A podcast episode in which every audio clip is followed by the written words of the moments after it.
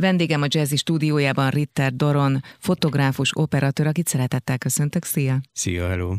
Egy különleges művészi megközelítésről beszélgetünk a mai műsorban. Nem egy egyszerű portréfotózásról van szó, hanem egy olyan típusú találkozásról, ahol a fotós segít egy nőnek, de persze lehet ez egy férfi is, egy embernek, hogy az, amit a tükörben lát, az voltak éppen miért szép, miért kellemes, hogyan lehet azt még inkább mondjuk egy ilyen önkép, önelfogadás szempontjából még vonzóbbá tenni saját maga számára is, meg a környezete számára is. Nekem pont azért érdekes ez az egész folyamat, mert itt nem az a cél, hogy átváltozzon valaki, hanem hogy az, ahogy most van, abban lássa meg a szépet saját magával kapcsolatban. Hogyan indult? Köszönöm. Na most először is egyáltalán nem különleges, mert hogy a portréfotózásnak ez az alapja. Tehát, hogy igazából maga a portré műfoly az innen indult. Az, hogy elkeveredett valami teljesen más irányban, és, és gyakorlatilag sokak fejében a portréfotózás egyfajta meghazudása annak, ami nincs vagy van, az egy más dolog. Valójában a portré fotográfia, a klasszikus portré fotográfia az egy emberábrázolás, egy személyiség ábrázolásnak pont az a lényege, hogy azt mutatjuk meg, ami van.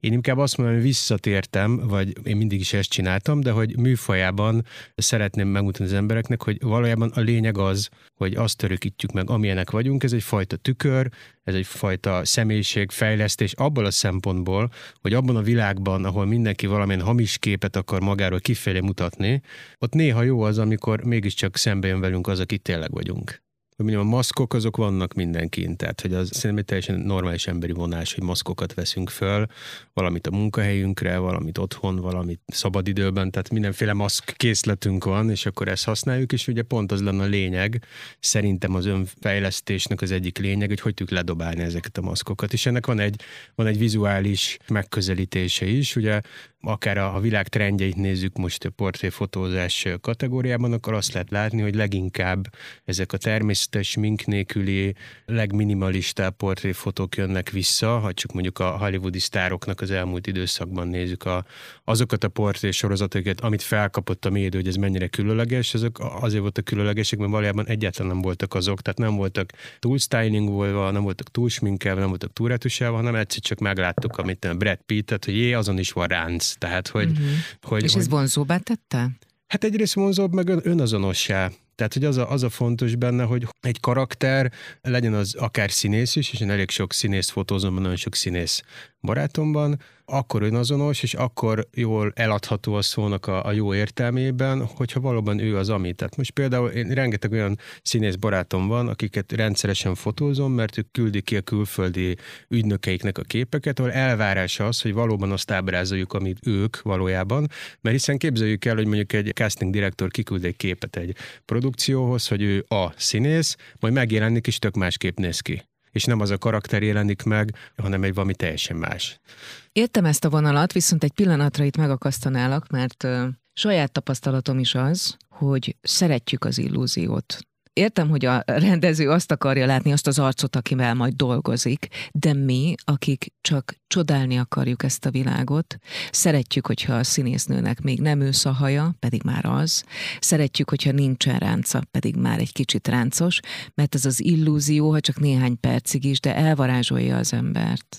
Természetes. Ez nem jelenti azt, hogy csak ezt a műfajt lehet csinálni, és csak ez az igaz, meg csak ez a jó. Én azt mondom, hogy nem mindegy a hangsúly a világban. Tehát amikor a, a fék vagy az illúzió a többség, és a valóság és az önazonos a kevesebb, akkor felborul a dolog. Tehát azt gondolom, hogy igazából az arányokat kell inkább közelíteni egymáshoz. Természetesen kell az illúzió, kell, amikor mindenki csodálatos, pompás, vékony, izmos, tökéletes bőre van, lobog a haja, minden van, nagyon jó, és kell az, amikor tudjuk, hogy valójában mi a szituáció. Saját magunkkal kapcsolatban is azt gondolom, hogy csak saját magamat nézem, ugye, akinek sok haja már nincsen, tehát, hogy nyilván nem fog magamnak egy lobogó hajas képet csinálni, és Dwayne Johnsoni testet retusálni magamnak, mert egyszer csak ki kell menni az utcára, és kiderül, hogy semmelyik nincs. Tehát ebből a szempontból ez fontos, hogy az ember azért önmagával tisztában legyen.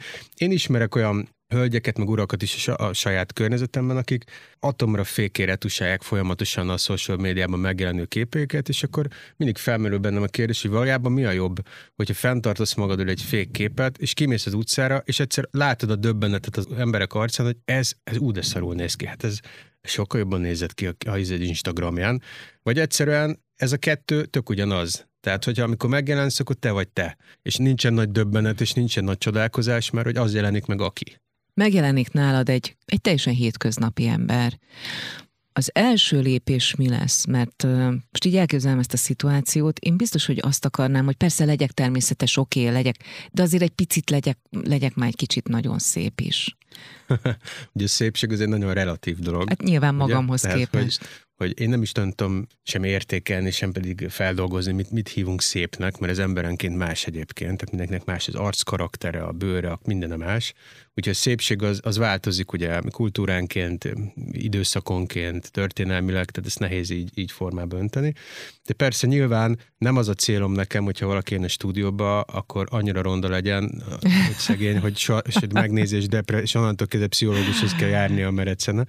De persze, te érted, hogy mire akartam célozni. Abszolút, tehát nyilván, nyilván azért mindenkiből meg lehet mutatni azt a szépséget, ami többnyire mindenkiben benne van valamilyen formában. Tehát, hogy azt gondolom, hogy hogy a cél az nyilván, hogy egy harmonikus képet csináljunk, amiben ő a maga a személyiség, de a maga szépsége is megjelenik. Ez nem kell feltétlenül agyon hazudni egy képet egyébként.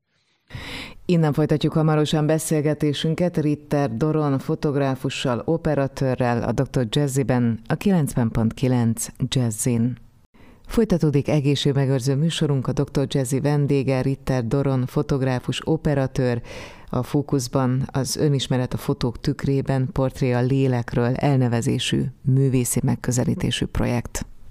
Nyilván mindenkin van valami szépség, ebben teljesen egyetértek veled. Még akkor is, hogyha ő ezt nem tudja, lehet szép a szeme, vagy akár a füle, vagy a nyaka, vagy bármi.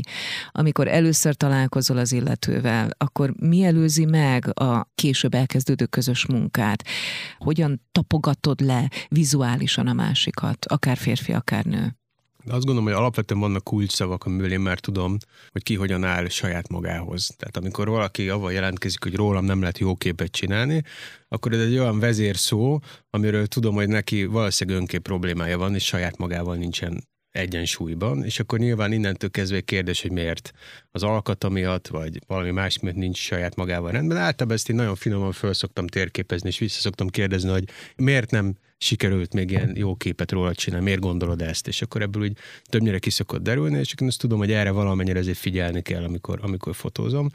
Meg nálam nagyon fontos egy stúdióban, hogy én, hogy én alapvetően nem rohanva fotózom, tehát egy, egy, egy alapelv az, hogy bárki érkezik az én stúdiómba, az egy folyamat. Mindenkit arra kérek, hogy legyen időre még akkor is egy rohanó világban élünk, egy egy és fél, két óra minimum legyen rá, mert előtt iszunk egy kávét, kicsit beszélgetünk, tehát azt gondolom, hogy ez egy olyan műfaj, amit nem lehet, lehet természetesen, csak szerintem nem jól, de nem lehet futószallagon csinálni.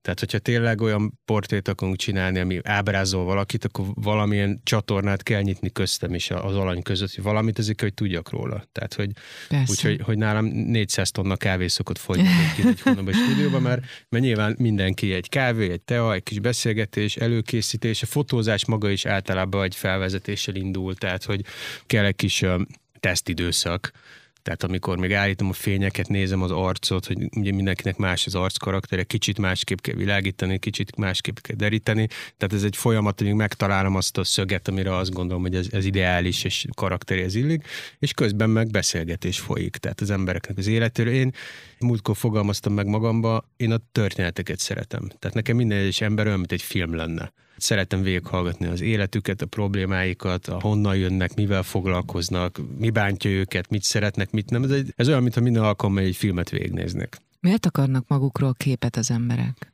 Hát talán már egyre kevesebbet akarnak, azt gondolom, mert ez a portréfotózás is valamilyen szinten egy haldokló műfaj alapvetően. Azt én tényleg hobbiból csinálom, mert ha ebből kéne megélni, nagy bajom is lenne. De azt látom, hogy pont a, akik eljönnek, pont azért jönnek el, mert szeretnének valahogy valamilyen élethelyzetük kapcsán szembenézni saját önmagukkal. Tehát, hogy példákat mondjak, vagy azért kell, mert új karriert indít, és egy új, új ágazatot indít az életébe, és akkor ehhez kell valamilyen kép, vagy azért, mert egy olyan élethelyzetben van, ami egy drasztikus élethelyzet, és szeretné megörökíteni, hogy ebből lesz majd valami változás, vagy azért, mert épp most érzi magát a legjobban, és akkor ezért szeretné ezt megörökíteni, és rengeteg különböző motiváció van. De általában ez, ezek a fő szempontok. Valamilyen változás, vagy valamilyen önelfogadás mindig kapcsolódik ehhez. Nagyon sok 40-es nőt ismerek, aki kint van, a, és most ez egy nagyon csúnya megfogalmazás lesz, de mégis igaz, a húspiacon mindenki párt szeretne találni. Most vegyük le azt a részét, hogy ez irreális vagy reális elvárások mentén zajlik el. Valószínűleg nagyon sok sebesülést összeszedett már ez a nő, vagy akár férfi az elmúlt évtizedeiben. Azt gondolom, hogy szeretné magát is valahogy úgy megmutatni, ahogy még soha nem sikerült. Ezek lehetnek rejtett titkos dolgok is, olyanok, amikről csak ő tud. Ahhoz nagyon érzékenynek kell lenni, hogy te megérezd ezt a titkos tartalmat. Azt gondolom, hogy a, hogy a fotográfus, a jó fotográfusnak az egyik nagy fegyverténye ez az érzékenység. Tehát, hogy nyilván aki emberekkel foglalkozik, annak kell érzékenynek lenni. Tehát, De te hogy érzel rá mások titkos történeteire? Ez, ez nagyon érdekes, ez már gyerekkoromban is jól ment nekem, meg valószínűleg én nagymamámtól örököltem ezt a borzalmas érzékenységemet, aki, aki fotográfus volt, és gyakorlatilag az egyszerű parasz bácsitól a pártitkárig mindenkivel el tudott jól beszélgetni. Tehát, hogy kell egy, egy olyan nyitottság, hogy bárhol beraknak engem egy három perc múlva, én azt a közeget érzem, és, és, és tudok azonosulni és kommunikálni. Ez egy kommunikációs képesség alapvetően ugye nagyon érdekes, ilyen off-topic, de így hobbiból most el fog kezdeni egy iskolát mindig jó tanulni, ez egyébként egy ilyen személyi tréner edzőiskola, és tehát az első óra arról szólt, hogy, vagy a bevezető, hogy miről fog szólni az iskola, hogy hát a legfontosabb a kommunikáció, hogy a, a tréner meg az alany megtalálja az összhangot, és akkor tudja, hogy miben kell neki segíteni, és hogy kell felkészíteni. Ez körülbelül ugyanaz egyébként, amit csinálok, csak nyilván nem súlyzókkal, hanem Igen. Nem vizuálisan. Igen. Van egy csomó nyomás a nőkön, ami nem újdonság, meg van egy nagyon érdekes, számomra is izgalmas megújhodási mozgalom, a női energia, ez a nagyon finom, nagyon puha, nem karcos, de azért mégis nagyon erőteljes női energia, most az egész világon érzékelhető, hogy így fogalmazok, felébrednek a nők. Ezt az energiát azért tök jól meg lehet mutatni, még úgy is, hogy csak, csak érezzük ezt a valamit, de még nem tudjuk rendesen megmutatni. Én, amit érzékelek jelenleg most Magyarországon, nyilván, amit mondasz, van ez a megújulás, bizonyos rétegekben, tehát hogy ez rengeteg mindennek is a függvénye, azt gondolom, Persze. edukációnak, meg csomó minden. Ami egységesen érezhető, az inkább a testképzavaros problémák. Tehát, hogy a sokkal jobban érzékelem, mint fotós, mint azt a típusú felébredést, amiről te beszélsz, ami egy, egy szellemi felébredés elsősorban nyilván, amit majd követ egy fizikai is, mm-hmm.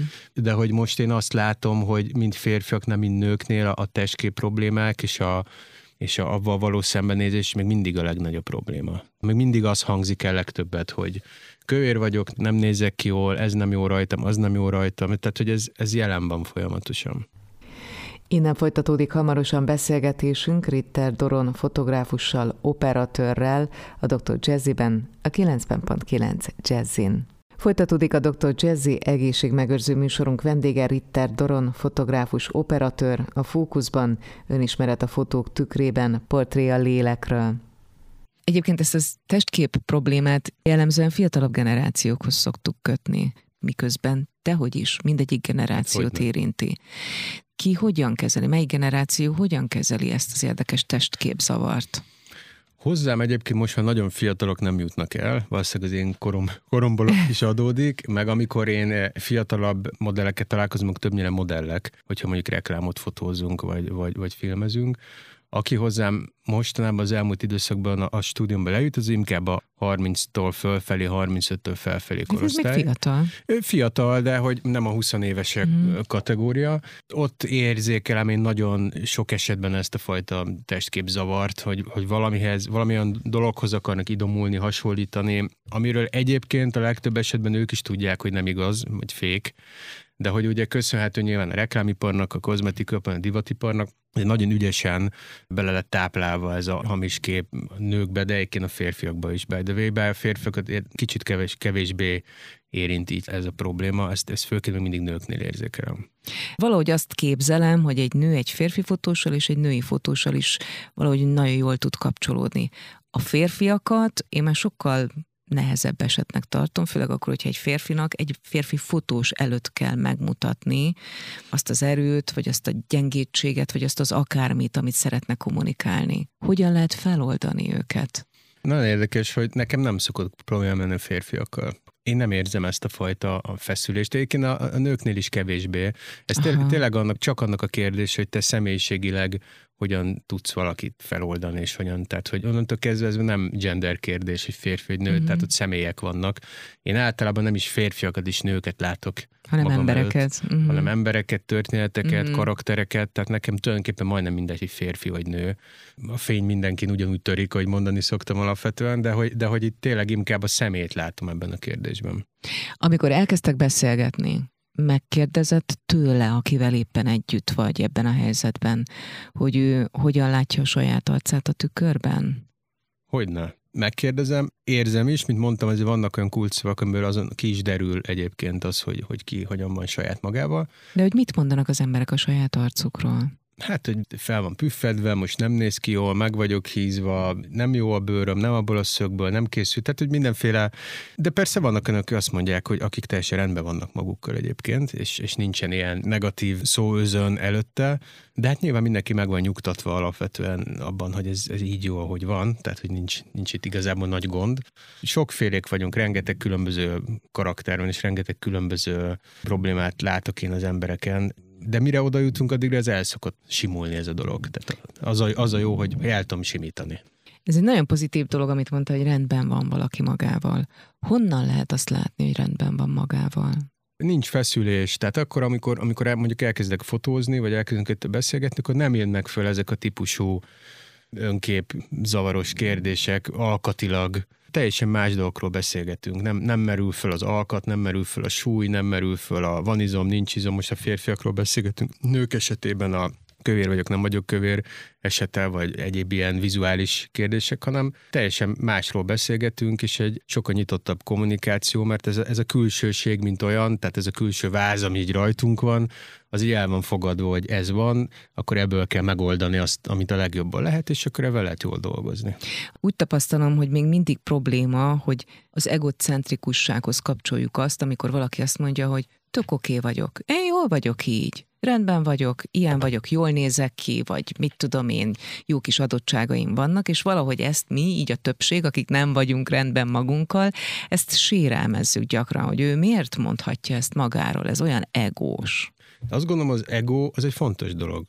Tehát ez egy rosszul értelmezett Így dolog, van. hogy az ego rossz. Nem, az egyetlen nem rossz. Ez egy önvédő igen, dolog. Tehát a, igen. az, hogy, hogy rendben legyünk magunkkal, meg, meg a saját egónkkal, ez egy tök oké. Okay. Ennek nyilván a mértéke nem mindegy alapvetően, meg hogy mire terjed ez ki valójában.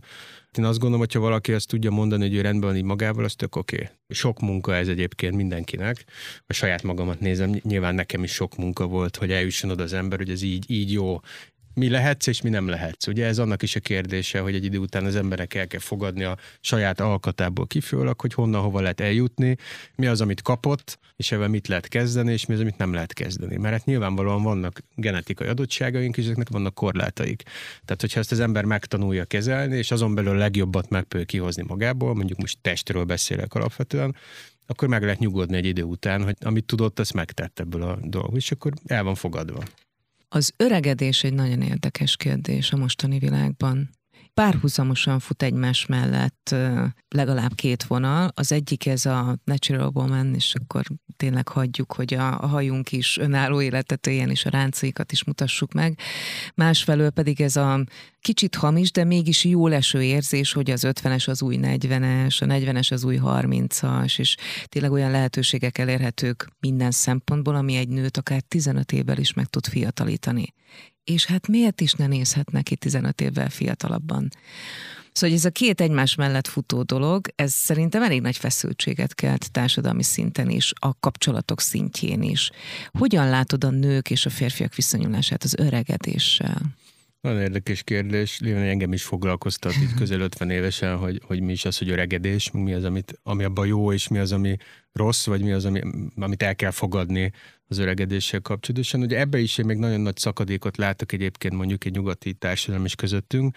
Azt látom, hogy Magyarországon még mindig fiatalság kultusz van, rengeteg mindenben, karrier szinten is, társadalmilag is, vizuálisan is. Most mondok egy példát, mi külföldön mondjuk a fitness industry piacán a senior világ az egyre erősebb, tehát gondolok az 50 pluszosokra, és rengeteg termék és rengeteg szolgáltatás elindult a számunkra, addig Magyarországon még mindig 20 éves fiatalokat látsz feszíteni ételkiegészítőket reklámozó posztereken, mintha nem léteznének 50 éves emberek, akik jó kondiban vannak.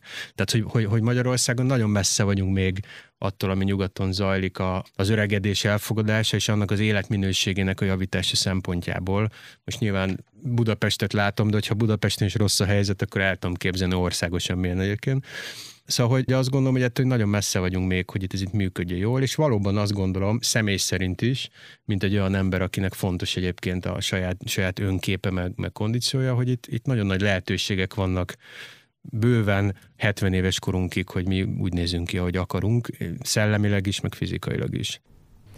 Azonnal folytatjuk beszélgetésünket Ritter Doron fotográfussal, operatőrrel itt a Dr. Jazzy-ben. Tartsanak velünk a továbbiakban is. Folytatódik a Dr. Jazzy egészségmegőrző műsorunk vendége Ritter Doron, fotográfus, operatőr, a Fókuszban, önismeret a fotók tükrében, portré a lélekről. Elkészül a fotó, és megmutatod az alanynak. Általában mi az első reakció? Most vegyük le azt a részt, hogy persze tetszik neki, mert megbeszéltétek, és úgy zajlott. Az a reakció érdekel, ami az, amit az arcán, a tekintetében te látsz. Amikor nálam készít portrén, azonnal nem mutattam meg a képet. Aha. Tehát egyrészt általában ezek nyers képek, tehát Persze. még vannak munkafolyamatok, nem a retusról beszélek, mert én már szinte alig retusálok, de, de a fényelés, a színek beállítása, a gradingelés, tehát hogy mennyire világos, mennyire sötét. Tehát én nem nagyon szoktam, ha egy alany nagyon kéri, mert nagyon feszült, hogy meg akar, akkor rá szokott pillantani, és akkor általában az úgy szokott zajlani, én leszoktam válogatni egy 10-15 olyan képet, amire azt gondolom, hogy jó. Tehát, hogy nálam nem szokott ilyen 3-400-500 kép készülni, mert uh-huh. fölöslegesnek érzem leválogatok annyit, amire azt gondolom, hogy jó, és ezt általában nyers képeket el szoktam küldeni ma már digitálisan, és akkor, akkor abból ő választhat tulajdonképpen. Az érdekes tapasztalat egyébként az, hogy általában nekem tök más tetszik, mint az alany. Ilyen rengetegszer van, hogy én látok egy képben valami nagyon speciálisat, egy nagyon különleges karaktert, egy nagyon különleges energiát, és ő tök mást választ ki azokból a képekből, mert szerint ő, és ez, ez nagyon sokszor azért van, mert ő, neki van egy berögzült képe saját magáról, mm. és mindig azt keresi. És megijed attól, hogyha egy olyan kép kerül elő, ami teljesen más mutat. És ebből is látszik egyébként nagyon sok esetben, hogy mekkora különbség van az emberek saját magukról megfogalmazott önképükkel kapcsolatban. Szóval, hogy más, másnak látja ő valójában magát, mint hogy én. De az nem is baj, hogy én valakit tök másnak látok. Persze. Tehát, hogy... Igazából egy példát szerettem volna kérni tőled, amikor valaki elment hozzád, és, és láttad, hogy nincs rendben magával, és aztán végigmentetek egy hosszabb folyamaton, most nem időben, hanem lelkileg vagy pszichésen hosszabb folyamaton, annak van egy eredménye a fotó, és akkor ő valamit felismer magával kapcsolatban, és te tudsz neki ebben segíteni, hogy ő meglássa azt, ami mindvégig ott volt. Fú, rengeteg ilyen példát tudnék mondani. Általában a diszkréció miatt nem szoktam olyan esetleírásokat adni, mert nagyon Persze. egyértelmű, de például sok esetben volt olyan, hogy olyan hölgyek, akik, akik adott esetben egy, egy házasság vagy egy kapcsolat végén voltak, és mondjuk belerogytak abba a kapcsolatba, mert vagy egy elnyomó kapcsolat volt, vagy egyszerűen csak tönkre lettéve a saját egójuk, vagy nem érezték magukat kellőképpen nőnek mondjuk már, mert vannak ilyen kapcsolatok, ugye és akkor maga a fotózás nem kimondva, de azt a célt szolgálta, hogy hogyan tudja egy nő a saját nőiességét újra megtalálni, tehát hogy hogyan tudja megtalálni magában azt az elveszett nőt, aki ő volt, és én rengeteg ilyen eset volt, amikor ezek nem sima portifó, ezek hosszabb fotózások Persze. voltak általában, de egy ilyen végén sok-sok alkalommal volt az, amikor egy, egy nő újra azt mondta, hogy hát hú, de jó nézek ki, és ott vagyok a piacon, hogy így fogalmazzak, Igen. ugye, de hogy, de nem ez a fő lényege, hanem saját magára ismét úgy tudott tekinteni, hogy, hogy felismerte magába azt, ami mondjuk elveszett az elmúlt években. Most nőkről beszéltünk alapvetően egy csomószor, de közben meg én nagyon sok férfit is látok, akár a saját korosztályunkból, akik ugyanígy megrogynak, akiket ugyanígy megrángatott egy kicsit az élet, és akik ugyanígy szeretnék magukat úgy látni, ahogyan belülről egykor érezték magukat. Tehát, hogyha mondjuk férfiakra vonatkozó példát kérnék, arra most mondanál-e nekem? Tudok azt is, de érdekes, amit mondasz visszagondolva, mert egyébként a férfiak ebből a szempontból gyávábbak. Sokkal kevésbé használják ezeket az eszközöket arra, hogy mondjuk gyógyítsák magukat, hogy hívjuk ezt annak. Igen hanem ők inkább racionális elvek alapján dolgoznak, tehát ha neki új karrierje van, akkor kell új kép, mert akkor, akkor úgy kell kinézni. Uh-huh. De csak azért, hogy visszataláljon saját magához, vagy, vagy egy tükör legyen a saját képére, az nagyon ritka a férfiaknál. Nehéz is felemlegetni magamban olyan példát, amikor csak azért jött el egy férfi, mert azt mondta, hogy fú, most kicsit rendbe raktam magam, vagy épp, hogy nem vagyok rendben, de most szeretnék egy olyan képet, ahol, ahol olyan vagyok, ez nagyon ritka. Tehát férfiak azok, azok karrier és racionalitás, a hölgyek azok pedig sokkal bátrabban az ön újraépülés és a, és a belső spirituális vonalak mentén is tudnak dolgozni. Olyan előfordul, hogy valaki mondjuk betegséggel küzd, vagy túl van egy nagy betegségen, és szeretné ezt az új korszakát, vagy a gyógyulás szakaszát valahogy dokumentálni a maga számára? Fú, most azért rázott ki a hideg, mert pont múlt héten volt egy, egy ilyen fotózásom, amikor eljött hozzám egy személy, aki pont egy rákos megbetegedés vége felé tart, biztos vagyok benne, hogy a vége felé tart, és, és meg akarta örökíteni ezt a fázist is, és biztos vagyok benne, hogy vissza fog jönni akkor is, amikor meggyógyult. Igen, de ehhez is bátorság kell, és ehhez is egy nagyon, erő, nagyon erős szembenézés kell, hogy ezt valaki meg tudja csinálni. Én borzalmasan tiszteltem ezért ezt a szemét. Nem véletlenül nem mondom hogy férfi vagy nő, mert hogy akarom védeni a személyiségét, de hogy ez egy nagyon nagy erő kell hozzá, és nekem nagyon megható fotózás volt, napokig gondolkoztam rajta, hogy vajon bennem meg lenne ez az erő, hogy egyáltalán ezt így megmutassam, egyáltalán vele így szembe tudjak-e nézni. Létezik ez is. Létezik ez is. Innen folytatjuk beszélgetésünket Ritter Doron fotográfussal, operatőrrel a Dr. Jazzy-ben. Maradjanak továbbra is velünk. Ez továbbra is a Dr. Jazzy egészségmegőrző műsorunk vendége, Ritter Doron, fotográfus, operatőr. Témánk az önértékelés, az önelfogadás, a pozitív viszonyulás önmagunkhoz, a Potria lélekről elnevezésű projekten keresztül. Ha olyan szempontból közelítünk ez a fotózáshoz, hogy nyomot akarunk hagyni a világban. Ezt mennyire tartod egy erős motivációnak, mert mindannyian szeretnénk valamit nyomot hagyni magunkról, még akkor is, hogyha ezeket a képeket csak privát használjuk majd fel. Ez nagyon fontos, ez egy lenyomat egyébként, hogyha időben visszaugrunk, én a dédnagyomat még ismertem, a dédnagyomat már nem, de fotóról igen volt egy lenyomat, amit, amit meg tudtam nézni, hogy kik voltak az én őseim, és hál' Istennek akkoriban még egyébként úgy készültek a portréfotók, hogy valóban egy személyiséget, egy karaktert látok rajta, ezért tartom egy nagyon fontosnak a, a karakter portréfotózást, mert hogy 10-20-30-50 év múlva ezt meg kell mutatni az unokáknak, akkor egy olyan képet szeretné megmutatni, ami tényleg az az ember volt, és nem egy, egy szétdizájnolt, székfékelt, szétretusált képet, aminek köze nincs ahhoz, amilyen, amilyen volt az a személy. Tehát ebből a szempontból ez nagyon fontos mind az alanynak, mind a fotósnak is. Portréfotósként én már csinálom ezt annyira rég, hogy sajnos nagyon sok olyan embert fotóztam, aki már nincs közöttünk, és nagyon sokat tudtam úgy ábrázolni, hogy az valóban őt örökítette meg. Tehát egyfajta komoly lenyomatról beszélünk. A te művészeti megközelítésednek az a, az, az elnevezés, hogy portré a lélekről. Tehát amikor a, valakinek a lelkét fotózod le, azt valahogy megmutatja magát a testén, a tekintetén keresztül. Mi az a tekintet, az az arckifejezés, amikor tudod, hogy ő most itt van, a jelenben van, jelen van, a középpontjában van, és benne vagytok egy különleges térben? Ugye van egy régi anekdóta, azt gondolom anekdóta, de lehet, hogy igaz, hogy ugye az indiánok azok nagyon nem szerették, hogyha lefotózzák őket, mert azt gondolták, hogy ellopják a lelküket a fotóval. Ugye akkor ez egy teljesen új technológia volt, akkor nem is valószínűleg, hogy értették, hogy miről van szó.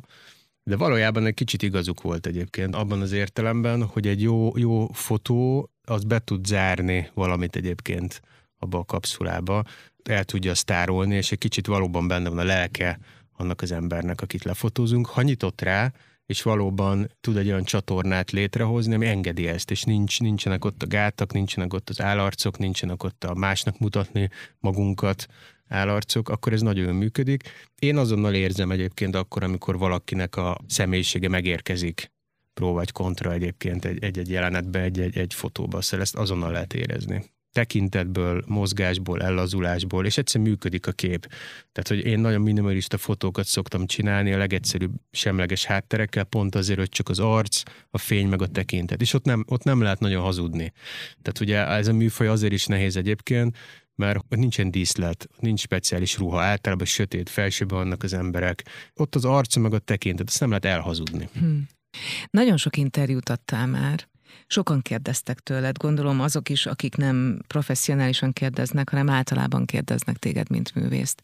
Mi az, amit sose kérdeznek meg tőled, pedig fontos lenne, hogy beszéljünk róla? Hú, de jó kérdés, egy kicsit előbb fölteszed, mélyebb, mélyebben elgondolkozom rajta.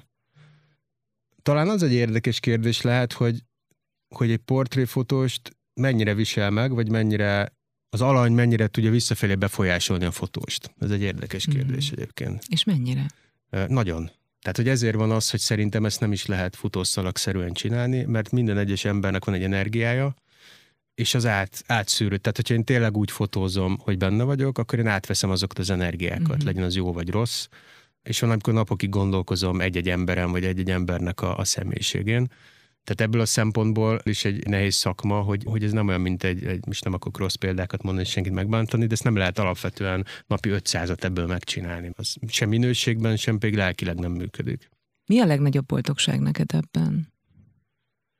Az a legnagyobb boldogság, hogy egyrésztről, ha azt látom valakin, hogy még csak nem is látta a képet, de alapvetően úgy megy el, hogy, hogy, hogy felszabadult. Pont múlt héten az említett fotóalanyom, aki a betegsége végével küzd, ő küldött nekem egy e-mailt, és ez nagyon jól esett nekem, ahol mondta, hogy amikor kiment a stúdióba, akkor hogy érezte magát, és milyen energiák szabadultak föl benne. Ez nekem nagyon nagy boldogság, független attól, hogy most a, a kép, ami készül, az jó vagy nem jó, vagy neki tetszik, vagy nem tetszik, általában ez hál' Istennek szokott tetszeni, de hogy, de hogy az, hogy, hogy egyrészt tudok hatással lenni az emberekre, időnként talán valamennyire az életükre is tudok hatással lenni, amennyire lehet, tehát ha más mhm. nem az, hogy, hogy jobban érezzék magukat.